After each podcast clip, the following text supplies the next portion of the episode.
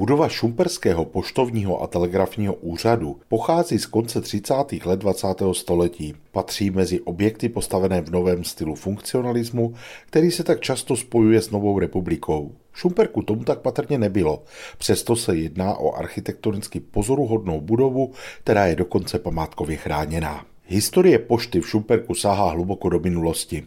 Už v 17. století existovaly šlechtou řízené poselské služby, které však neměly přesný řád ani přesně dané trasy. To se změnilo až po roce 1712, kdy poštovní služby přebírá stát. V Šumperku je první pošta zřízena v roce 1800, kdy se poštmistrem stává lékárník Jan Sarkander Paul a zřizuje poštu ve svém domě na Šumperském náměstí. Poštu vedl celých 37 let. V roce 1841 se hlavním poštmistrem stává majitel třemešského statku rytíř Franz Terš. Pošta za něj sídla těsně vedle náměstí na dnešní Starobranské ulici, kde měl dům. To platilo až do roku 1884, kdy Terž zemřel. Pošta byla tehdy zestátněna a přesunuta na tehdejší novou ulici, dnes generála Svobody. Od počátku 20. století se v Šumperku začaly objevovat snahy o stavbu nové, důstojnější budovy. Když po roce 1918 vzniká ministerstvo pošt a telegrafu, ku podivu přes ideologické spory s německými městskými radami v moravském pohraničí, dochází mezi jeho představiteli a zástupci města poměrně jasné shodě o potřebě výstavby nového poštovního úřadu. Jenže nebyly peníze. Stát se sice zavázal, že budovu postaví, trval však i na podílu ze strany města. Otázkou bylo také umístění nové pošty.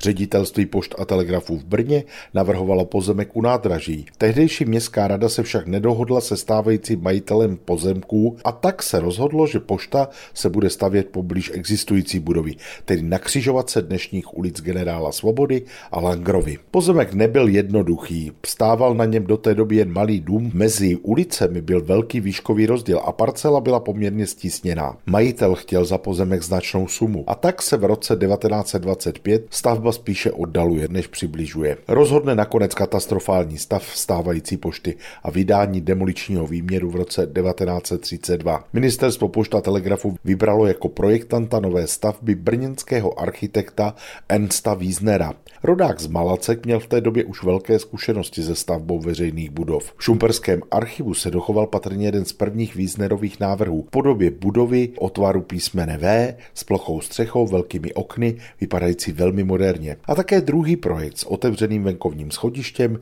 který drží ideu rovné střechy. Nakonec vyhrála verze se střechou z části plochou a s tehdy navrhovaným šikmým krovem. Po nutných procedurách byla 16. října roku 1935 stavba zahájena. Jejího provedení se ujaly firmy Karla Čunderlého a Františka Zukala. Až v průběhu stavby navrhl architekt Wiesner změnu z tvaru střechy. Architekti ji nazývají dnes bazilikární a trošku připomíná obrácený lodní kýl. Nakonec přesvědčil i představitele města a investora a stavba byla zakončena tímto netradičním atributem. Dokončení pošty a její předání k užívání je datováno dnem 27. října roku 1937. Záhy na to se budova pošty otevírá veřejnosti. Prošla mnoha úpravami i přestavbami, přesto je dodnes pozoruhodnou stavbou zdobící centrum města a také důkazem, že i v menších městech Moravy, dokonce tehdy německých, vznikala velmi kvalitní architektonická díla, která stojí za vidění. Pohlednici z kraje mezi Praděnem a Hanou, tentokrát od budovy Šumperské pošty, vám po vlnách Českého rozhlasu Olomouc poslal Mirek Kobza.